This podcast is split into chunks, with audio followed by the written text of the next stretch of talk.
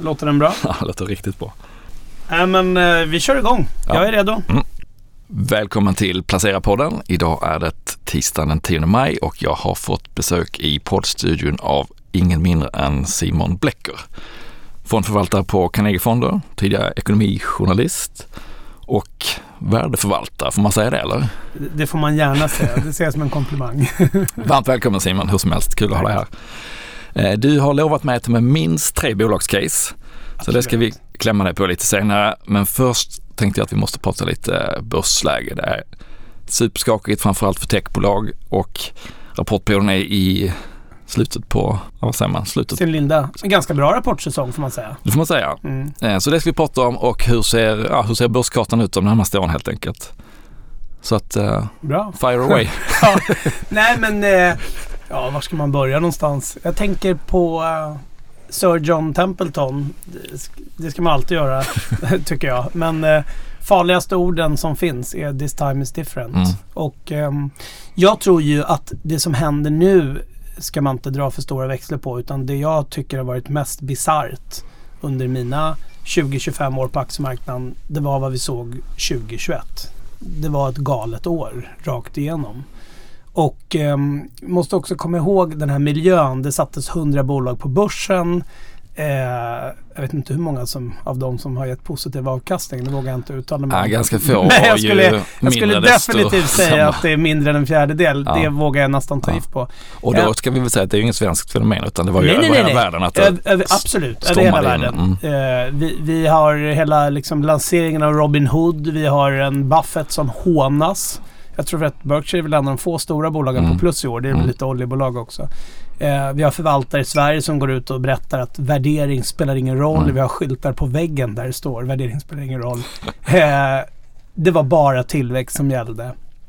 Och jag tycker också att det lanserades ett par affärsidéer som aldrig hade gått igenom i en sund marknad. Och sen hade vi den här enorma uppgången av fastigheter. Och då tänker jag inte bara på börsen utan jag tänker mer liksom hela sättet också utanför börsen. Hur, hur Tänker du vi, bostäder eller? ja, bostäder är ju ett globalt fenomen och, och ett Mm. svenskt fenomen. Och där, där är jag inte säker på att det kommer smälla så mycket ändå. För att det, vi har en större konsumtionskraft än vi har. Men jag tänker mer på de börsnoterade fastighetsbolagen och i synnerhet de som hade så kallad tillväxt. Mm. Alltså ta bolag som K-fastigheter, K2 och faktiskt SBB som på fullt allvar försökte göra en compounder inom fastighetssektorn. Det vill säga, du köper och köper och köper och tror att du hela tiden får... Du köper något för en krona som du skriver upp till 1,30 innan du ens... Och nu plötsligt kanske det du köpte, det kanske är värt 80 öre. Hur Så vi tillväxten kom från värdeökningarna, Ja, inte precis, från den precis. Nej, underliggande. men, och jag tycker det, det som är fascinerande, jag har inget problem om man betalar upp multiplar om Mm. det finns en stabilitet.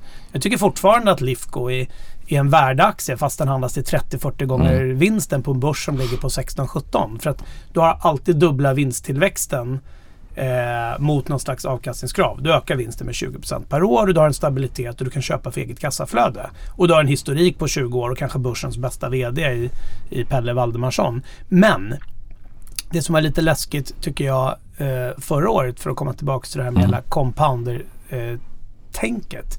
det är att du försökte översätta det i allting annat. Det vill säga du trodde på evig låg ränta. Vilket är ganska märkligt. Vi har ändå haft ränta några tusen år här på jorden.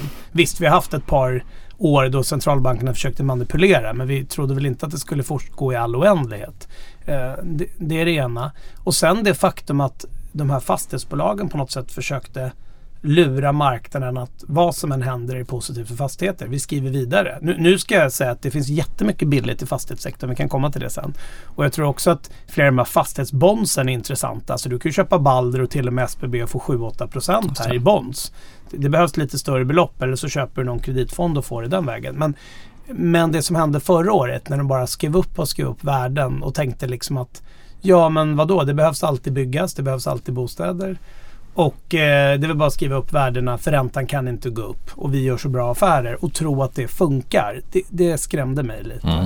Det var mycket som skrämde mig 2021. Nästan mer än vad som skrämmer mig nu. Det är jobbigt att vara i en bäs. eh, Det är jobbigt att vara i nedgång. Vi förlorar alla pengar. Men nu skapar man möjligheter. Och förhoppningsvis är ju de flesta långsiktiga. Mm.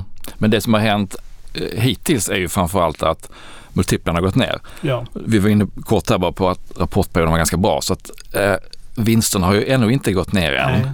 Eh, är det nästa ben vi står inför? Ja, Eller jag, tror, jag, jag, jag, jag tror att vinsterna kommer gå ner. Men man ska inte vara så rädd för det heller. För att man får inte glömma att P talet är ju det är price och det är earnings. Mm. Och eh, jag tänker mycket på 2011 eh, och 2012. 2011 faller börsen. Då är den här så kallade PIGS-krisen. Mm. Portugal, Irland, Italien, Grekland, Spanien. Oro på krediter. Stockholmsbörsen går ner. Beroende på index runt 15 och 20 kanske någonting. Men vinsterna håller uppe. 2012, då packar vinsterna. Vinsterna går ner. Men vad händer med börsen? Den går upp. För den börjar titta på 13 och 14. Och jag tror att det som händer nu, det var ett helt okej Q1. Jag tror Q2 kommer bli lite jobbigare. Alla höjer priser, det är de här frakt, vi kommer tillbaka till det, Ja. men fraktproblematiken, har inflationsproblematiken. Eh, vi har varor som inte kommer fram.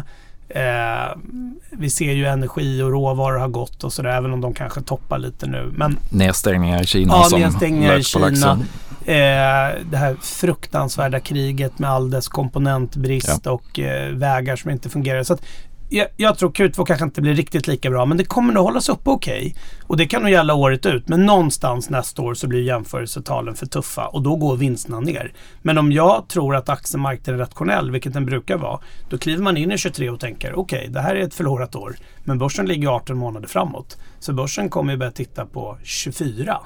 Och det skulle jag gissa att vi redan gör i slutet av det här året. Mm. Att man är 12-15 månader framåt. Och då kan vi lika väl få det läget att 23 stiger börsen men vinsterna går ner. För att man börjar prisa in 24-25. Det, det är lite också vad staterna gör. Alltså vi kan ju få en enorm investeringsboom av det här. Vi ska bygga upp Europa, vi ska bygga upp förhoppningsvis Ukraina vid något tillfälle. Eh, vi håller på med den här gröna omställningen. Eh, jag tror man förstår nu att det kommer gå lite fortare. Eh, alltså så att det finns ju mycket positiva parametrar men det finns ju också väldigt mycket negativt. Det, det, det går inte att förneka. Det låter som att du tar höjd för att det kommer bli eh, värre innan det blir bättre Ja. under det här året. Ja, och, och, och, och nog också på börsen. Nu i dagarna när vi gick in här nu vid 10 så såg det upp som att börsen var upp mellan 1 och 2 procent. Ja. Ehm, jag tror att vi får lite studs nu för det känns lite översålt. Men jag, skulle inte, vi, vi, jag tror ändå vi kommer se de här 1900 på OMX, eh, kanske 1800 i värsta fall. Jag menar, vi får inte glömma att OMX var ju 2 och 4. Kommer vi ner till 18-1900 så har fått lite utdelningar. Då är en korrig- korrigering på 25 procent. Sen vet ju du och jag att många aktier har gått ner 80-90 Ja. procent och i USA är det betydligt värre. Det är tusentals bolag som har kollapsat. Mm. Eh, men det gör ingenting utan eh, det viktiga från nu eh, det är ju att om man nu är långsiktig som jag tror och hoppas de flesta är. Det är ju sådana här tillfällen man adderar, man fyller på. Men jag tror att det inte riktigt är över. För jag tror ändå att vi måste se när centralbankerna liksom bromsar lite. Nu, nu, kommer vi se inflation alltså Ja. överallt. Alla jag pratar med höjer priser hela tiden. Ja. Eh, så det blir självuppfyllande. Och pizzabagaren höjer från 70 till 95 och då ser vi det i statistiken. Men nästa 95 lät billigt tycker Ja, jag. men det är billigt. Jag åt någonstans. 110, ja, nej, jag, 120. jag åt på en sån här Birka i Vasastan. Det, det var norr om 100 men de var också Okej. väldigt stora. Du kanske tog en barnpizza? Ja, ja, men det känns som en barn, de är så stora. Man, man, eh, men, men säg så här då, säg att pizzabagaren höjer från, jag bara tar ett exempel då, från 90 till 110. Då får du ett jättehopp i inflationen. Men nästa höjning är kanske från 110 till 115. Och då kommer deltat vara åt andra hållet. Då Mm. kommer folk säga, och det är det jag tror vi kommer in i nu. Nu är det 10% inflation runt om i världen. Men snart kommer man säga, nej men den är 4-5. Och vad skönt, den är på väg Ja. ner. Och då liksom, man får inte glömma att marknaden har gjort jobbet åt både Fed och centralbanken. Vi har en riksbankschef som vägrade ta gift på så han var ju så stenhård i januari att det aldrig skulle hända något innan 2024. Två månader senare ska han höja tio gånger. Jag tror inte det. Jag tror det kanske blir 6-7 men det räcker nog. Marknaden har ju prisat in tillräckligt. Vi närmar oss väl en punkt där, det har man nästan glömt nu, att inflationen började rusa iväg redan förra året. Ja. Ja. Och så att jämförelsesiffrorna per definition Precis. blir lite lättare. Ja, och därför så tror jag liksom att framåt hösten och framåt nästa år så tror jag ändå att det kommer se ut som att inflationen är lite mindre. Och någonstans så, det som hänt sista dagarna, råvarorna börjar klappa ihop. Eh, olja kanske kommer ner. Mm. Varje gång någon säger att oljan ska till 300 brukar det gå åt andra hållet. Ehm, och, och ser man på de här råvarorna att det lugnar ner sig, det är ändå en viktig input. Jag tror inte att vi får så häftig lönerörelse. I Sverige. Nej, i Sverige just. Och då tänker jag på den inhemska inflationen. U- USA kommer nog vara lite högre ett tag, men där kommer verkligen deltat komma ner. Eh, och där tror jag att Fed bara... Nu, nu är det uppenbart att det finns ingen Fed-putt. Utan de skrämmer bort det här. Mm. Det kan man också säga. Många tror ju att Fed höjer så pass kraftigt så att man knäcker konjunkturen. Men när man ser på... Tittar på kurserna i Volvo och Sandvik. Du har redan prisat in 30-40% vinstnedgång. Vad är en recession? Det är två kvartal med negativ BNP-tillväxt. Vi har väl teknisk recession snart. Eh, och vad då? Vi, vi är ju redan där. Sen kan ju kurserna falla 20-30 till. Eh, men någonstans så tror jag att aktiemarknaden tar höjd. Vi har gått från liksom stagflation till att vi börjar nog prisa in en recession och då är det inte så mycket nedsida kvar. Sen får man inte glömma en viktig grej och det är ju att vi hade ju en jättebubbla 21 och kanske en bit in i 20 också. Det är så kallad overshooting på Ja, uppsidan. ja. Det är ju inte det är inte omöjligt att det blir undershooting. Det vill säga det kan bli väldigt billigt. Nu är det billigt men det kan ju bli tokbilligt sådär så att folk ger upp. Ja, för Och det- tittar man på hela börsen så är väl P talen ja, där de är i snitt ungefär. Det är inte... Nej, nej, det har inte hänt någonting. Vi är tillbaks på de här 16, 17, Ja. 18 och känner vi att vinsterna ska ner med 5-10 procent då är vi allt annat lika uppåt 19, 20. Då är vi på den här långa trenden Mm. och så vet vi att bank ligger betydligt lägre mm, och det ska de göra på grund av liksom Dels så tror jag de här långsiktiga hoten mot Ja. banksektorn. Sen tycker jag att bankerna är billiga. Man kan köpa alla fyra och leva på kuponger och det är lite nedsida. Men de långsiktiga hoten finns där. Eh, det är nummer ett. Och nummer två. Alla säger att räntor är så bra för bank stigande och det är de. Men recession är inte bra för Nej, bank. Eh, så det, det, är liksom, det är lite moment 22 där också. Och eftersom bank ligger så pass mycket lägre P talsmässigt eh, så är det en stor del av marknaden som fortfarande är norr om 20. Absolut. Man kan ju hävda att eh, tech- tech-värderingsbubblan har brustit om man tittar på hur, vilka otroliga nedgångar det är i en del. Först små techbolag och nu även många av de stora amerikanska Ja. framförallt.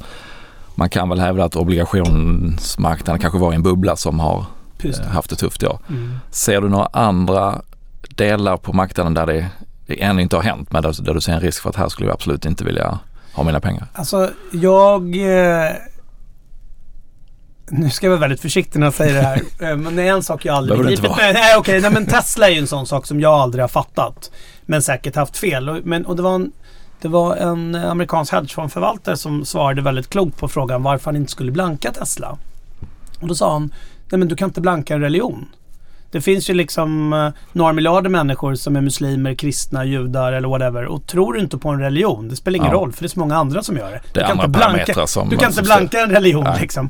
Och, och därför skulle jag aldrig våga blanka Tesla. Men det är klart att det är väl den sista bubblan och det är lite intressant att se hur den har gått ändå från 11-1200 ner till 800 igår. Det kan ju till och med stoppa Twitterbudet och Ja. få de är världsbäst, de är fantastiska. Men tänk Netflix för några år sedan. De var också fantastiska. Alla tror att Netflix har problem nu på grund av att folk säger upp abonnemang och det är inflation och man har inte råd. Jag är inte säker. Jag menar, vi har inte rest så mycket med min familj så vi har hamnat i samma passhelvete som övriga en miljon Sverige. Men vi har liksom adderat mycket tv-kanaler. Mm. Och jag märker också att Okej, nu säger jag till min son Discovery är rätt dyrt för att kolla Allsvenskan. Vi får välja något annat. Men man märker att de här Disney, HBO, de har faktiskt klivit fram. Eh, Jag kollar den här Tokyo Vice på HBO som är helt fantastiskt. Då känner jag så här, de, det är way bättre än Netflix. Och lite det tror jag kommer hända Tesla. Ja. Att de, må- de må vara först, de må vara bäst, men det kommer ju De är inte ensamma andra. längre. De är inte ensamma och då är frågan, är den här värderingen rimlig? Eh, och jag tycker också det är intressant att den här Cathy Wood med sitt ARK då som blev ju sån liksom hjälteförklaring för hela Tesla-innehavet och den här fonden ETFen då, som gick fantastiskt. Titta nu jämfört med Buffett hur det har gått. Mm. Det går ju sönder varje dag. Och det ser rätt illa ut i flera av de där innehaven. Du frågade vad som ännu inte har fallit. Eh, jag har ingen åsikt om bitcoin så den passar jag på för jag tycker det är svårt. Eh, jag konstaterar dock att om Det är dålig vill- direktavkastning. Så Ja, kan man säga. inte. Nej, men jag konstaterar dock att eh, den har halverats Ja. från toppen. Eh, och eh, det är klart att det kan finnas faller givet vilka som sitter på instrumentet. Sen kan inte jag bedöma krypt eller inte. Det är liksom inte min kompetensnivå så jag Mm. passar på den. Men jag konstaterar att det ligger en latent risk och jag tycker det är intressant hur vissa bolag korrelerar. När Tesla och Nasdaq går ner, går Bitcoin ner och Evolution Gaming. Alltså man undrar lite vad det är för typer av Mm. aktörer. Jag har aldrig fattat det här Sinch. Jag tycker det är helt obegripligt vilket börsvärde. Nu ser jag att en del insiderköp. Det enda jag ser är att jag fattar inte det kassaflödet. Sen kan ju det visa sig vara bra ändå. Men är det inte en telco, kommer vi smsa så om Mm. tio år? Klarar den här liksom jag vet inte. Eh, jag tycker det är fascinerande. Jag- tycker att fastighetssektorn är intressant också. Jag, nu är jag ju superpositiv till Atrium Ljungberg. Det har varit ett case länge. Den har också fått stryk. Jag tror ju att Castellum, Atrium och huvudstaden på de här nivåerna har enorma värden. Men också de här lite mindre nu. Nyfos har ju kommit ner, Mm. Amhem och så här. Men de här som håller på med bostäder. Ett par saker måste vi tänka på där. Om räntan fortsätter upp i Sverige, vilket det ser ut som att det gör. Byggkostnaden spårar fullständigt. Alltså, vi snackar 30-40 procent innan du signar. Så jag tror att det kommer ställas in mycket byggen. Och då har vi ändå cement nu, det kanske vi inte har nästa år. Nej, precis, du har ingen aning. Och, och den kan ju komma ja. Nej, men alla byggen ställs in nu för att det är lite panik. Då är frågan så här. Ja, de har ju, du har kunnat sälja bostäder och hyresrättsprojekt på 2-3% yield för folk har trott på evig ränta, noll i all framtid. Nu plötsligt kanske räntekostnaden ska gå upp till 2-3% för oss med Mm, lån. mm. Sen får man ju inte glömma en sak. Ehm, vi gör den första höjningen som jag flyttar in tror jag i vår förening. Det är 10-11 år sedan. Eh, det är ingen fara, det är en liten höjning. Men det säger ju lite för att föreningen har ju också lån. Alltså avgiftsförhöjning Avgiftshöjning för eh, bostadsrätter, ja, mm. tack för. Och, och det här kommer ju drabba många i bostadsrätter. Att du får en double whamming. Ditt lån går upp. Mm. Eh, föreningens lån går också upp, allt annat lika. Och det kommer ju gälla all nyproducerade bostadsrätter. Och när det gäller nyproducerade hyresrätter har det alltid funnits köpare i Alecta och sådana här och lite utländska paket. Vill de verkligen vara här när det stökar till? Jag tror försäkringsbolagen, nu köpte många Heimstaden, de har mycket annat att göra än att köpa ny eh, liksom bildade hyresrätter och bostadsrätter. Och så har vi ränta upp. Eh, och så har du värderingar på de här aktierna som är ganska höga. Där tror jag fortfarande att det finns lite nedsida kvar. Men jag tror att de här kontorsbolagen är jättebilliga. D- där att tro att fastigheter handlar om tillväxt har jag aldrig fattat. För fastigheter är som allt annat, det är kassaflöde. Och det står ju redan i Bibeln att fan tar tillbaka sina lån. Förr eller senare så måste du kunna leverera. Eh, och, och då tror jag att när det gäller fastigheter så ska man försöka titta på bolag med så kallad loan to value, LTV. Försök att ta bolag med mindre lån. Och det, det, man kan ju skratta åt huvudstaden och de här men det, de brukar vinna in the long run. På tal om Buffett så, så tänker jag ofta på Lundberg när jag tänkte på stämman här nu. Det- är så kul när de går igenom gamla Buffett-citat. Nobody wants to get rich slowly. Uh, det, det, säger- och det, Buffett vill det, Lundberg absolut. Jag noterar att sista dagarna köper han Industrivärden, Lundberg, eh, huvudstaden Skanska. och så ser man alla de här som ville bli miljardärer på fem minuter 2021 att det börjar liksom klappa börjar lite. jobbigt. Att titta på ett Decennio eller Mm. Nilar eller vad det nu är. Det är ganska många eh, sådana bolag. Så att, vilka öar finns kvar? Eh, bra fråga. Eh, jag tror Just det, jag har nästan glömt frågan. Ja, ja, ja, precis. Det var ju frågan. Nej, men så här. Covid-boosten. Den, den håller på att liksom reversera nu. Mm. Det finns ingen... Eh, Det ser man ju på e-handelsbolag om inte annat. Absolut, alltså våra föräldrar började ju handla e-handel och vi var ju alla, även jag trodde att nu har vi vunnit, som det som skulle tagit tio år har tagit ett halvår, hela världen är förändrad. Det sa bara pang. Mm. Tvärtom, det är fullt på restaurangerna, det är fullt på ICA. Ingen vill handla e-handel längre. Det är klart att det är liksom... eh, det- Från det, väldigt tuffa jämförelsetal ska man säga. Från väldigt tuffa jämförelser. Så det är klart att här, någonstans kommer det tillbaka Mm. en del. Men jag tror att vi överskattade det där. Och eh, de som angör exit är bara att gratulera. För många av börsens e-handlare tror jag kommer lida rätt länge nu. Det, det, det är väl det ena. Um, ehm, andra fenomen. Nu har vi pratat så mycket så jag glömde bort vad, alltså var det där det skulle kunna finnas Ja, ja, bubblor ja. där du, där du inte vill ha dina pengar. Där du inte vill ha dina Där pengar. det är väldigt dålig risk-reward helt Ja, just det. Nej, men jag tror lite det här, det här klassiska att alla söker pricing power. Det är ju redan prissatt. Mm. Alltså nu har du ju redan handlat upp alla bolag med hög marginal. Du har tryckt ner Lux så att den liksom är på 30 års lägsta. Alltså, jag, jag är inte så säker. Ibland går ju marknaden lite väl före. Snart ska man väl titta tvärtom. Eh, liksom. Men jag tror att många av de här fenomenen, e-handel, eh, jag tror att hela det här liksom de här bolagen som har gjort förvärv och varit skickliga på det historiskt, Indutrade, Lifco, de har en jättefin framtid till mötes. Men det här att tro att tillväxt var liksom något slags bibliskt, det, det, det tror jag blir svårt. Jag är ju rädd att världen får lite lägre tillväxt också. Och då är jag inte säker på att du premierar upp dem. Du vill inte betala för multiplar i framtiden. På ett sätt kan man säga både du och jag var ju med 0001. 02. Det positiva med den nedgången var att väldigt många aktier gick upp. Eh, Men då hade du, då hade du liksom en ränta på väg ner. Du hade inte en konjunkturell motvind. Du hade i och för sig 11 september och rätt Mm. stora tragedier. Men vi har ju en konjunktur som är stark men kanske håller på att mattas. Eh, vi har inflation som vi inte haft på 40 år och vi har räntehöjningar. Så, att, så mycket är ju negativt. Och, då, och då säger folk så här, men alla är så negativa, allt är så inprisat. Ja, men det kan nog bli värre. Alltså mycket av det du resonerar kring här mynnar ju ut i att vi som konsumenter kommer inte ha känt den stora smällen än. Nej. Du pratar om eh, höjda avgifter i bostadsrätten, höjda boräntor och så vidare. Eh, hur orolig är du för det? Att de konsumentrelaterade bolagen kanske är mer känsliga, i US- finns fler av dem i USA kanske jämfört med Sverige men om man tittar på hur börsindex är det- sammansatt. Men, eh, Jag tror du svarade själv på det. Det är värre i USA än i Sverige. Man ser ju hur de här Dometic, eh, Thule, Husqvarna, Elux har fått mycket Mm. stryk. Eh, Jag är väldigt rädd för konsumenten. För jag tillhör de som inte tror på någon bostadskrasch. Vi är lite för många som har trott det i 20 år och till slut så ger vi väl upp. Ja. Men, men det sista du betalar på i din lägenhet och du har en ganska stark konsument fortfarande i Sverige. Men det är klart, räntor upp, avgiften i förening upp, bensinpriser ska vi inte tala om, mat. Alltså Yes. jag handlar så sällan. Jag, köp, jag skulle köpa lövbiff och en halloumi igår och ett paket tuggummi. Det var så här 220 spänn, såklart på ICA. Ja, men det var så bisarrt. Ja. Och då tänkte jag själv, gud det här, det, det här kommer spåra. Liksom, hela matprisbiten Mm. tror jag är jättejobbig. Eh, så jag, jag, jag tror att har du mat upp, nu, nu har alla liksom något latent resande.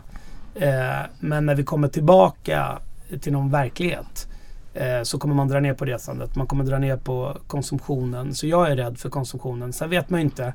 Jag menar Essity säljer prylar vi måste ha. Blöjor och binder. Eh, Elux, jag menar går din tvättmaskin eller dammsugare Mm. sönder, du köper ju en ny. Ja. Jag tror att 60-70% kanske är replacement. Och faller råvarorna så kanske de blir vinnare. Eh, Men, men det är klart att jag är jätterädd för konsumtionen per se.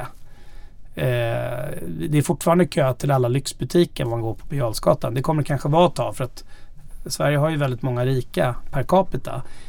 Men någonstans så kommer det här sätta Mm. sig. Allt annat vore konstigt. Du, jag gör en um, utsväng. Ja. Spin-offs. Mm. Du förvaltar ju inte bara Sverigefonden utan även Carnegie Spin-off.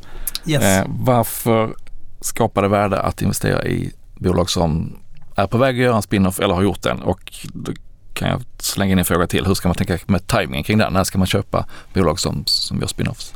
Mm, det är en bra fråga. Nu förvaltar den tillsammans med Mattias Montgomery som vi kan gratulera för han har precis blivit pappa. Grattis. Ehm, ja, och, och är lite duktigare eller bättre på, på lite moderna case. Han hade kunnat förklara Tobi varför det är en dubblare. Eh, nej, men eh, det finns ju mycket studier på det här. Det finns mycket forskning. Har vi tittat sista 30-40 åren har varit fantastiskt i USA med spin-off. Sen är det ju alltid en timingfråga. Ibland kommer det ut mycket techbolag som har Mm. halverats. Då kan det se lite konstigt ut. Eh, jag kan bara konstatera att vi kan ta Electrolux. Jag, jag tror att det är en av börsens bästa aktier om man räknar ihop allt som har kommit därifrån. Spontant tänker man på Husqvarna och Epro, Electrolux Professional, Mm. som har gjort bara under min period som förvaltare. Men historiskt sett så kommer ju Getinge därifrån och därmed en gång i tiden Lifco. Ja. Och- och- och- Autoliv eller? Va, Autoliv, Autoliv, just det, ja. stämmer. Dometic. Ja. Eh, jag tror ehm, flera av de här som försvann ut i private equity har ju kommit därifrån eh, också. SKF eh, rullades väl ut från Volvo Ja. bokstavligen. Ja. Nej, men, och sen tror jag börsens absolut, och vi ska prata om en sån sen, men börsens absolut bästa det är ju ändå Bergman och Beving. Mm. Herregud alltså. BB Tools, eh, Adtech, Adlife, Lagerkrans, Aligo, Momentum Group nu. Alltså det tar ju inte slut. Mm. Alltså, jag har säkert missat någon när, jag tänker högt. Men, men det har ju blivit så många av det där så att det inte är klokt. Alltså. De har gjort det så bra. Och vi, vi har ju lite sådana siffror på jobbet. Det är ju tusen procent på den där. Nej, men jag, jag sitter, här, men sitter ni kvar? Ni köper, sitter Nej. ni kvar i alla det, döttrarna det, sen? det, det är helt olika. Det, det är helt olika tycker jag. Eh, Jag menar i Kinnevik och Zalando så behöll vi Kinnevik och sålde Zalando vilket var tur då för Mm. att Zalando havererade. Eh, sen har Kinnevik havererat. Nu har vi minskat den på vägen och sålt alla dem. Eh, det, det, som är, det som är så fascinerande och gör det så spännande, det finns liksom inga gratismatcher. Eh, jag minns när SCT och SCA gjordes. Hela London ringde och skrek och frågade vad är det här för konstigt bolag? SCA på 60 kronor. De vräkte ut aktierna. SCT skulle ju till 400. Den stod ju 260. Det gör den fortfarande by the way. Sex år senare eller fem år senare. Eh, alla skulle vräka ut SCA. Nu står SCA i liksom 177. Den var uppe i 202 förra veckan och nära att gå om Essity. Men paketet, och det här är intressant. Paketet SCA Essity är ju ändå liksom en bit över 400. Mm. Lägger du på kupongen är du säkert nästan på 500. Så ur industrivärlden och huvudägarens perspektiv har det varit fantastiskt. Och även om man har varit med i båda. Eh, men det är klart, det finns, ju det finns många dåliga spin-off. NCC Bonava var helt fel. Mm. Niscaya eh, Securitas blev inte heller någon succé. Securitas, alltså det, det, det, sen kan man ju säga att paketet Securitas Securitas Direkt, Loomis har ju blivit bra. Ja. Men jag håller med dig och det är lite ironin det som sker nu i Securitas. Det är faktiskt en, nu ska inte jag prata om den, men den är superbillig. Mm. Och där ser man ju den är nedtryckt nu av en emission. Mm. För de köper tillbaka Niskaya som på börsen kallades Ni skojar. Först hette Securitas System, sen blev det Niskaya. Det var någon sån här Gustav Douglas-grej att han vill hitta något latinskt namn. Men eh, nu köper man tillbaks det via Black Decker. Då blir ju Securitas mer recurring, mer säkerhet, ja. mindre gubbe med hund och mer high-tech. Mm. Men det har ju kostat massor. Eh, Peab gjorde ju samma sak. Man knoppade av Peab Industri, ångrade sig, tog Köps tillbaks det. Mm. Eh, men däremot så slängde Peab ut Annahem som är en sån här billig fastighetsgrej. Nej, det som gör det spännande är att man vet aldrig. Jag tror till exempel det, det som kommer bli din gamla arbetsgivare Sandvik kommer mm. bli årets mest spännande spin-off för att jag tittade lite innan, eh, innan vi gick in här idag. Jag minns ju för 20-30 år sedan när jag var på Affärsvärlden och var med och gjorde en artikel tror jag där Sandvik... styckningscase nej, nej, nej, nej, många sådana varit också. Men det här var mer att Atlas går om Sandvik ja. och folk ringde upp och liksom hånade mig. Ja. Det var det dummaste, det kommer bara hända en vecka. Ja. Nu, har, nu har Atlas gått tre gånger mot Sandvik. Jag tror att man räknade rätt nu, trots att Atlas är sämst. Och som har knoppat av dessutom ja. då. Men, ja, men med den i och för sig. Men trots att Atlas är sämst tror jag bland verkstadsbolagen så lägger du ihop Atlas och Epiroc har du 720 miljarder kanske. Mm. Och du har två, strax över 200 i Sandvik. Eh, och det är ju lite orättvist, mm. även om jag gillar båda. Och nu, nu ska ju SMT knoppas av. Mm.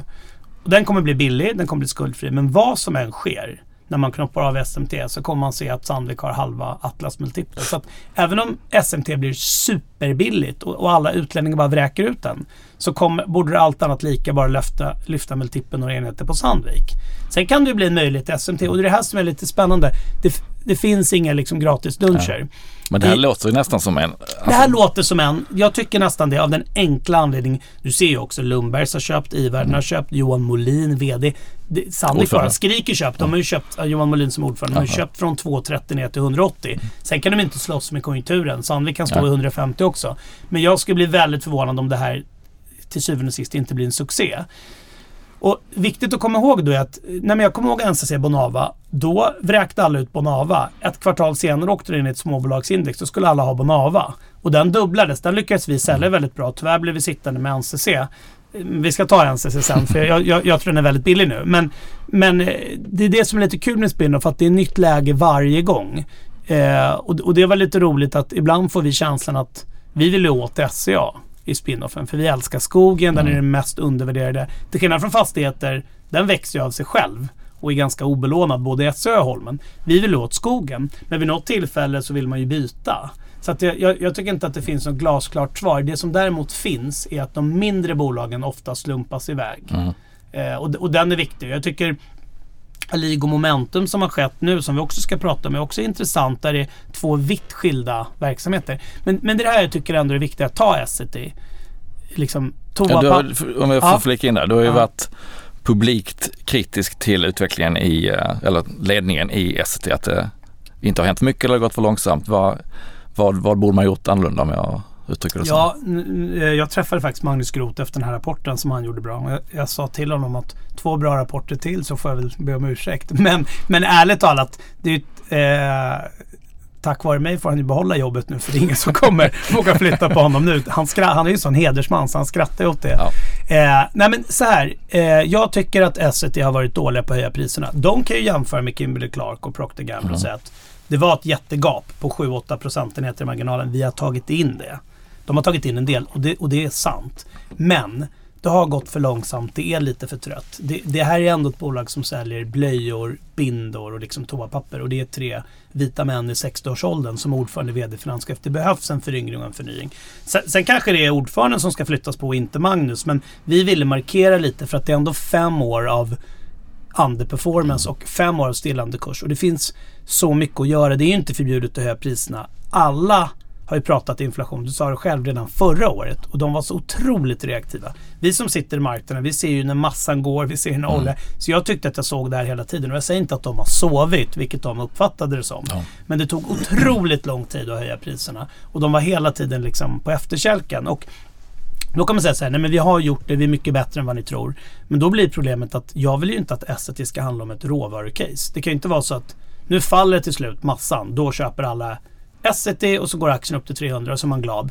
Och sen någon gång om två år går råvarorna upp igen mm. för världen har lugnat ner sig och Kina ligger på. Och då ska Essity gå ner. Det kan inte vara så. Det, det är inte där värdeskapandet ska Nej, värdeskapandet ligga. bygger någonting annat. Och jag, min egen enfald så tänker jag så här, ska man inte liksom lyfta ut private label? Eller liksom, det är ju den har ju tyngt lite. Man kanske ja. ska göra liksom en, om, om vi börjar i rätt ände, Private Label är det som liksom att man gör åt ICA med deras egna varumärke. Det pressar mycket priser. Men säg så här då, säg att man lyfter ut Personal Care, den här fina delen med liksom de höga marginalerna. Då skulle man kunna få ett Mölnlycke som kanske skulle handlas till 20-25 gånger ebit. Och så kan den här restdelen med toapapper och sånt som har liksom närmare 15% marginal. De skulle få lägre P-tal. Men helheten skulle säkert bli 400 spänn istället för 270. Det är lite sånt man vill se. Men jag tror att de är taggade nu. Ja. Jag tror eh, efter rapporten, eh, allt annat lika och, och det här är, har vi ökat. Eh, och det här eh, är ett av våra största innehav. Eh, och det kommer bli ännu större och jag gillar verkligen Asset och det, är, det finns en väldigt låg risk i businessen. Eh, vi behöver blöjor och bindor vad vi än gör. Det är mest att det här marginaltappet är jobbigt. De ska inte vara under 10% Även om, nu får man ju inte glömma, rapporten var inte så bra. Den var bättre än förväntan. Men ja. de hade guidat ner så mycket. Så det hoppas jag att de höjer priser. Se till att de blir lite liksom mindre beroende av råvaror. Men framförallt eh, vågar se över strukturen och liksom skapa riktiga värden i det här bolaget. Men, men för att återgå till det här med spin-off. Det här är en sån här grej som det skulle kunna bli en spin-off till. Och där tycker jag det är intressant att flera av de bolagen som har gjort spin-off, ja, ta gamla Bergman och Beving eller Elux. Det är så mycket lättare att göra igen. Alltså man har hela ja, men de vet hur det funkar och liksom SAT skulle kunna lyfta ut personal care mm. och skulle funka. Och det här tycker jag är så intressant med, med eh, Aligo då, vi kan ju komma in på det som är ett av mina aktietips. Ja, vi, precis, du har utlovat tre case ja. minst. Volvo, NCC och Aligo. Och Aligo. Ja, men vi, vi, vi, kan börja med Aligo. Ja.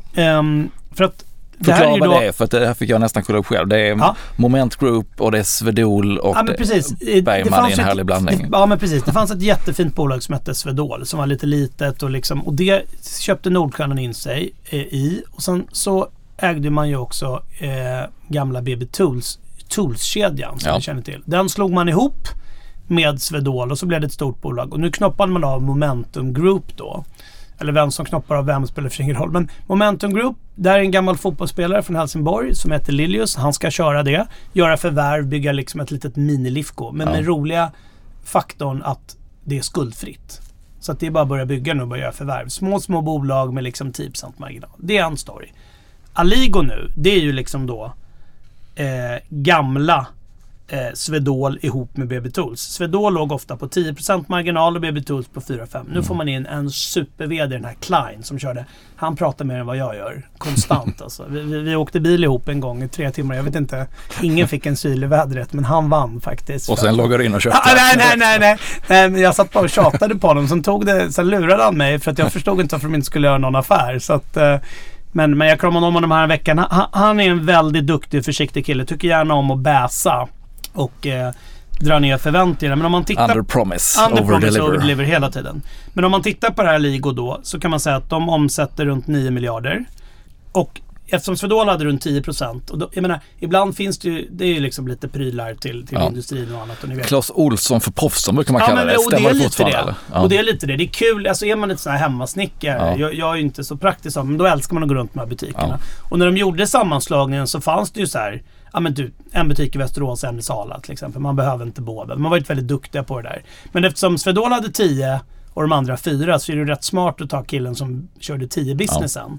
Han har ju liksom lagt sig lågt nu men jag tror att redan i år har de 8% marginal vilket är helt otroligt. Och då är det här bolaget, säg att du omsätter 9, har 8% i marginal. Så du tjänar 700.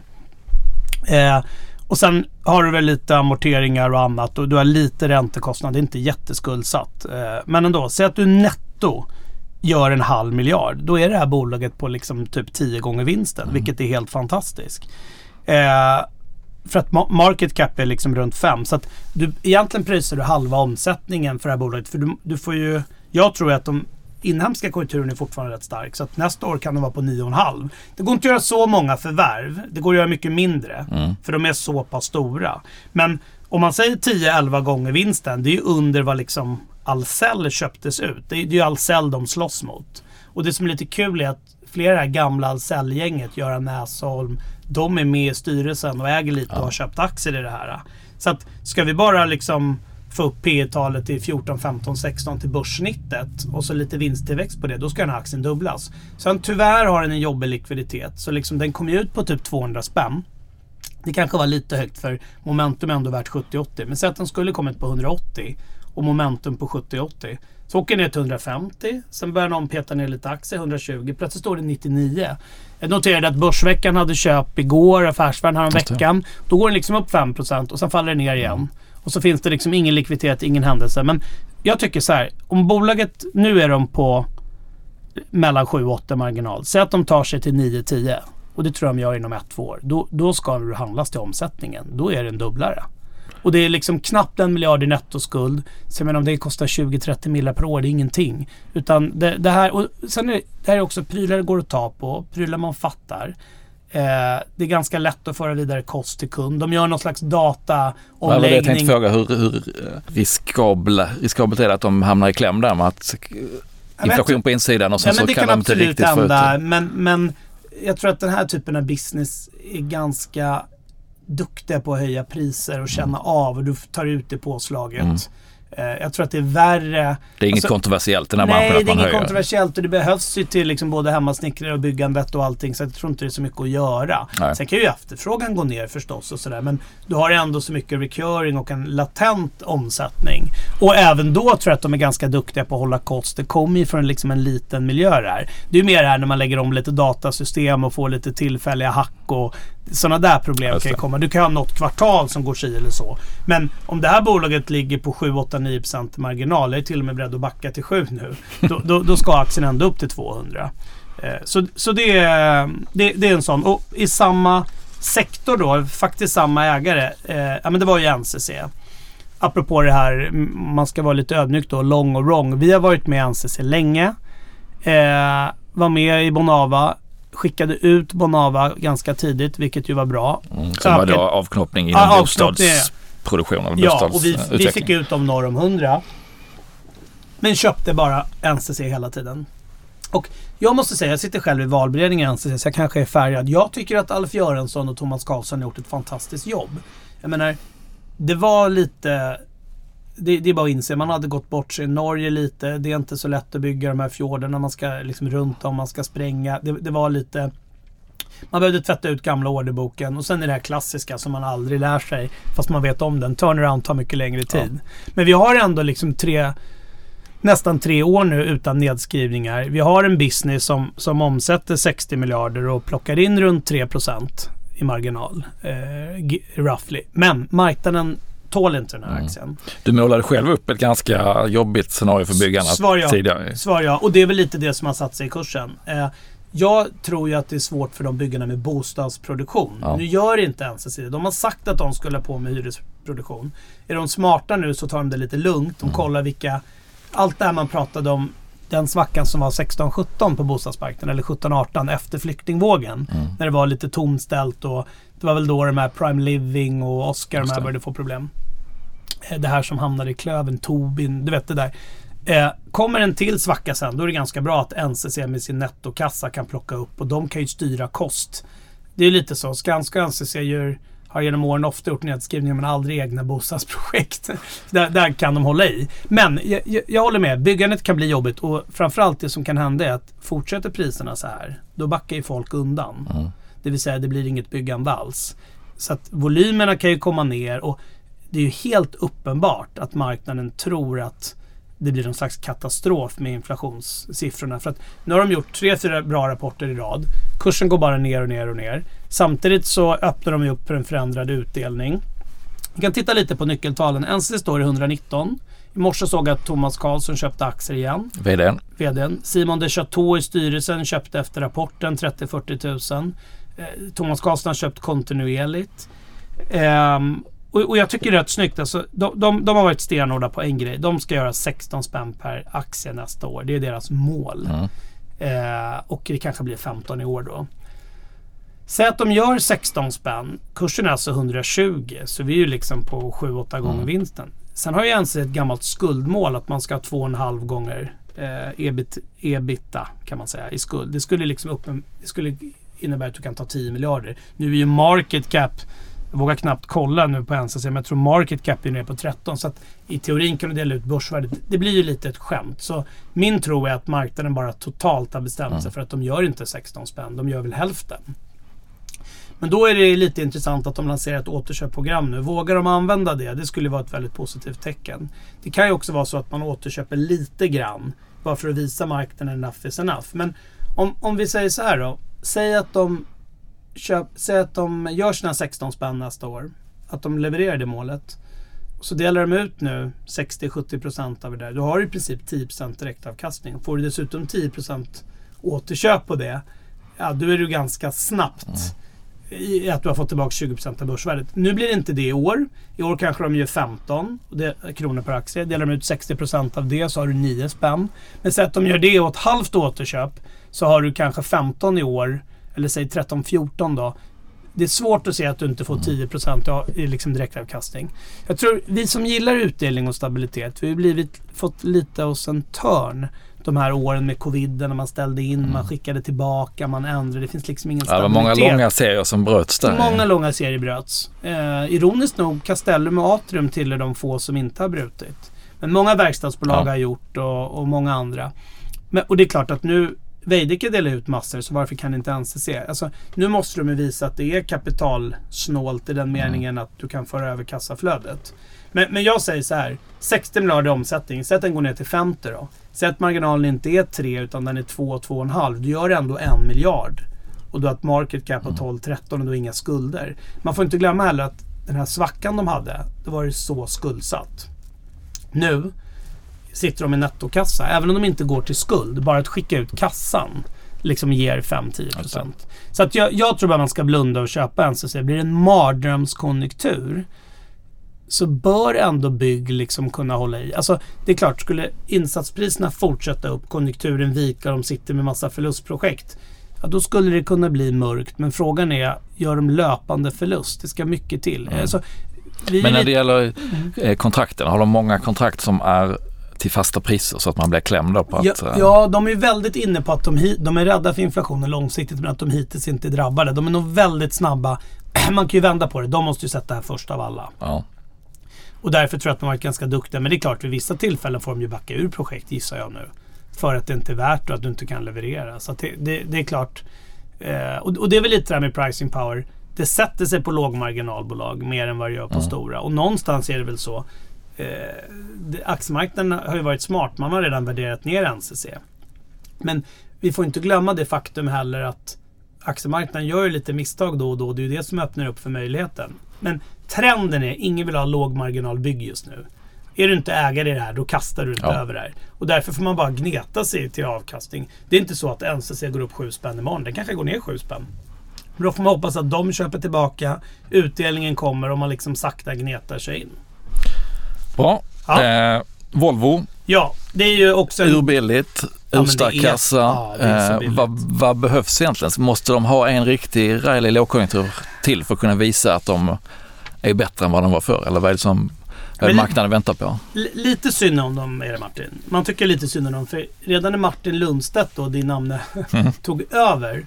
Då, då, då um, jag minns en båtresa jag var på för 15-20 år sedan under, efter Scania Volvo hade fallit och Östling sa lite skämtsamt att vad en Scania Vad en Volvo gör ju vi tre gånger mer. Gör vi 12 är de på fyra. Mm. Går vi ner till sex liksom, då, då är de på en eller två. I marginal. Ja, och Lundstedt har totalt förändrat den bilden.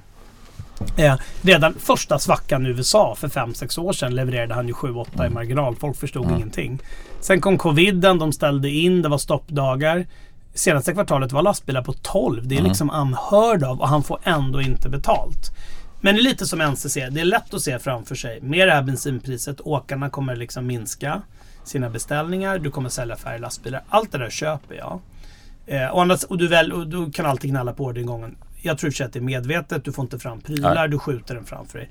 Men du kommer ju inte undan det faktum att Volvos market cap är 300 miljarder. 50 i kassan. Du omsätter 400.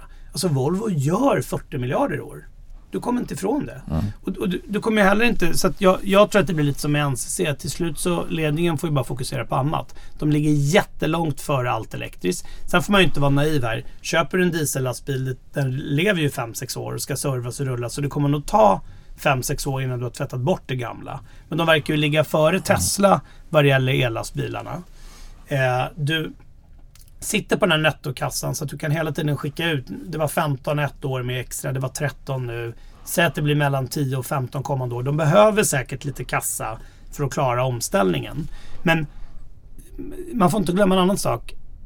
Merparten av omsättningen är ju lastbilar. Men eh, VCE, alltså Construction Equipment, traktorerna, det är också 100 miljarder. Och där, där har vi ju liksom, titta multiplarna på John Deere och Caterpillar. Alltså du kan säga i Volvo att ja, men den är billig, den är alltid billig. Men då missar du att när du tittar på Daimler och Packard, de är på ev ebit 9 och Volvo på 6. Du prisar upp Daimler att de ska göra en Volvo. Men du låter inte Volvo få betalt för att Nej, de har så. gjort en Volvo. Och Packard är samma sak. Så jag tror problemet med Volvo är att vi svenskar älskar den. Eh, tycker de gör det jättebra och så blundar vi lite. Men amerikanerna är inte riktigt där. Utlänningarna tror jag, det är de som måste sätta priset. Förr eller senare gör de det. Men jag tror att det är samma som med Sandvik. Det är lågkonjunkturen man ska köpa de här. Och det, det är väl ett misstag man gör. Man gör ju misstag varje dag själv. Och någonstans är det bara att inse att man kanske hade för mycket i högkonjunkturen. Men den var så billig även då. För jag tror problemet med Volvo är så här. Säg att vinsten går ner då, 30 procent. De gör inte 40 miljarder, de gör 28. Okej, men market cap 300, vi tar bort kassa på 50, då är vi på 250. Då kanske vi, vi liksom...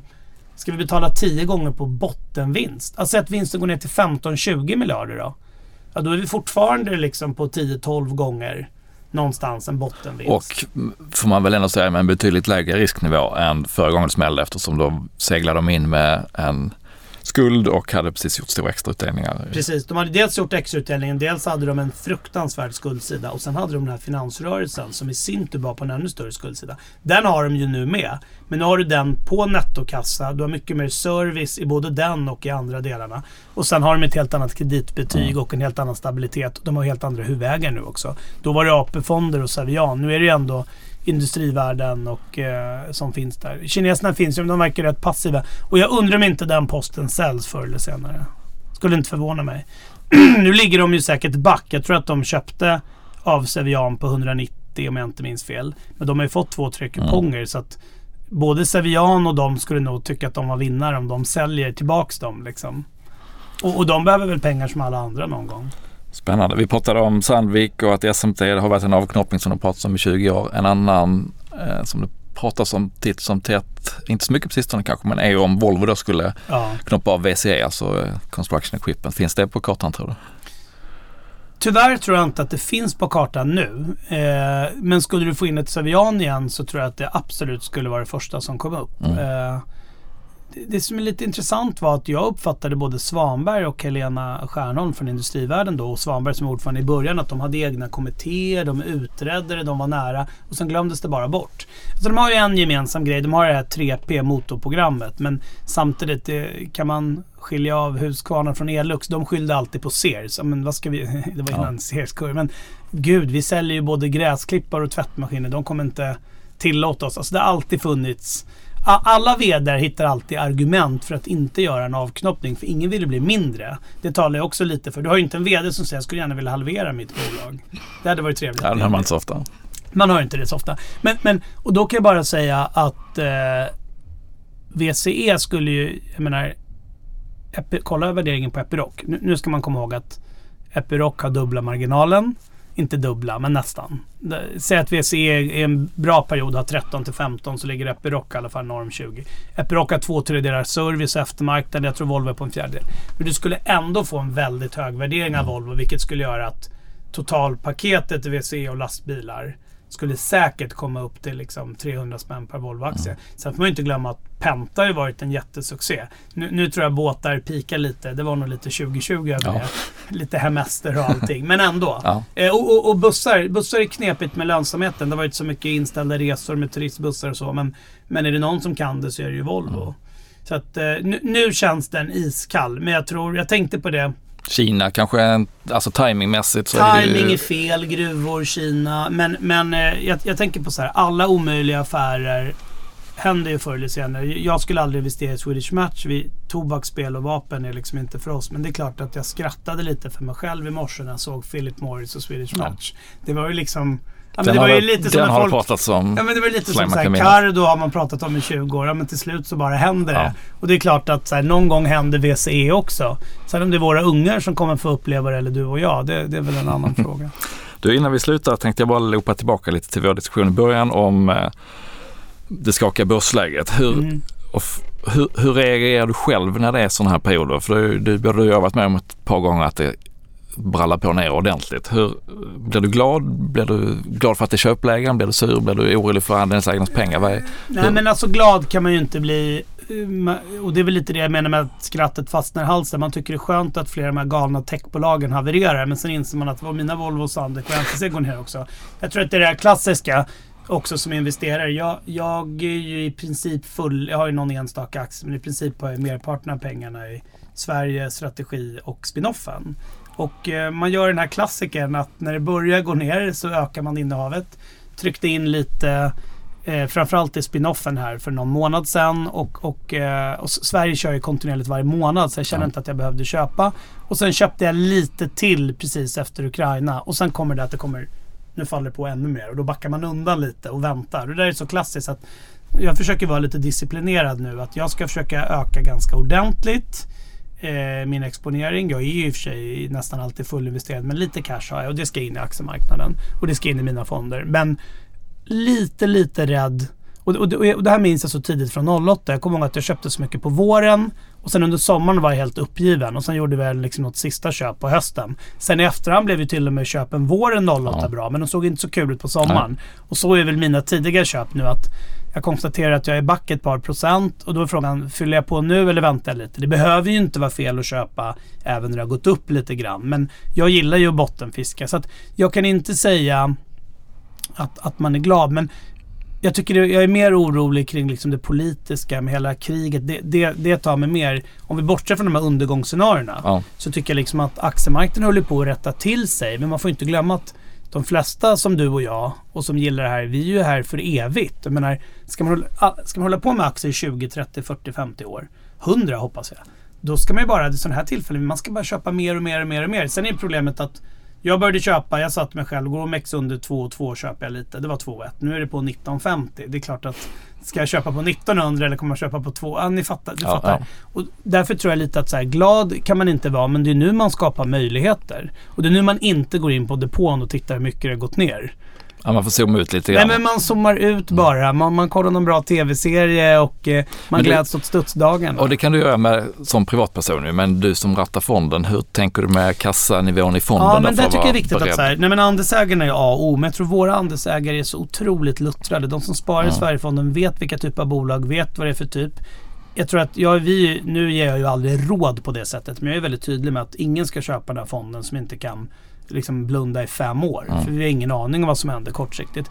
Eh, vi har alltid en kassa på 2-3%. Nu har jag haft faktiskt lite inflöden i år vilket är lite... Eh, det är ingenting att slå sig för brösten för. för när börsen rallade så så hängde ju inte vi med. Vi är ju en defensiv fond, ja. apropå värde. Vi ska ju inte gå upp när, liksom lika mycket när börsen går 34-35 och det sätts galna mm. bolag på galna multiplar. Och då är det klart, när det blir lite svagare period så är det en viss typ av investerare som kanske söker sig mer till oss. Så vi har faktiskt fått lite inflöde i år. Men det är ju inget liksom att hänga i julgranen på det sättet. Fonden är ju ner mycket och jag förlorar ju också pengar på det. Men jag försöker hålla en kassa på 2-3% ifall det kommer utflöden. Nu är det mer mer blivit för att man har velat köpa på svaga dagar. Vi handlade en del igår. Eh, eller också när det blir sådana galna rapportreaktioner som känns lite liksom Alltså lite för överdrivna. Då vill man öka i, i de typerna av bolagen. Eh, men hålla på att ha en kassa på 10 det är ju inte det vi har betalt för utan eh, vi ska ju vara i princip fullinvesterade. Och folks kassa ska de ju ha någon annanstans. Ja. Vi ska ju stå för aktieexponeringen. Men däremot tycker jag det är dumt att ha 100% aktier för att den dagen det kommer ett utflöde ska du inte behöva sälja i stress eller panik utan du ska kunna liksom lugnt hantera det. Och sen tycker jag lite att nu har det kommit en del utdelningar. Jag har inte haft så bråttom med att köpa för alla dem utan vi får se vad det kommer för läge. Det är ju inte förbjudet heller vid något tillfälle. Jag menar vi gillar Tele2 men ah, den hade gått lite klart. Då kan man slänga ut den och börja köpa mer Sandvik. Och det är lite sådär man får tänka. Vid något tillfälle får man ju kanske minska något som har gått extremt bra eller som är lite för defensivt och passa på eh, och köpa det här som är väldigt nedtryckt. Men det är farligt också för att man kan inte bara sitta med Volvo och Sandvik. För det är inte omöjligt att de tappar 20-30 till. Ta, titta på 2008. Eh, jag tror Volvo vi köpte massor med Volvo på 50-60 kronor tror jag. Jag har för mig att det gick ner till 28 eller 30. Leif Johansson var VD då och gick ut och köpte bonden Volvo gav. Han vågade inte ens köpa aktier, men han var med i en bond tror jag som Volvo. Och då hade man lite panik. Sen blev det ju jättebra. Även köpen på 50-60, men det var inte kul där nere. Och, och det är det enda jag tror man kan avsluta med att det är inte omöjligt att det faller 10-20 till. Det var dyrt, det blev superdyrt. Nu är det billigt. Det kan bli billigare. Men på fem år, nog borde det här vara ett väldigt bra köpläge. Det är roligt jämt. Ja, det är det. Simon, tusen tack för att du kom hit och bjussade på dina tankar. Tack själv.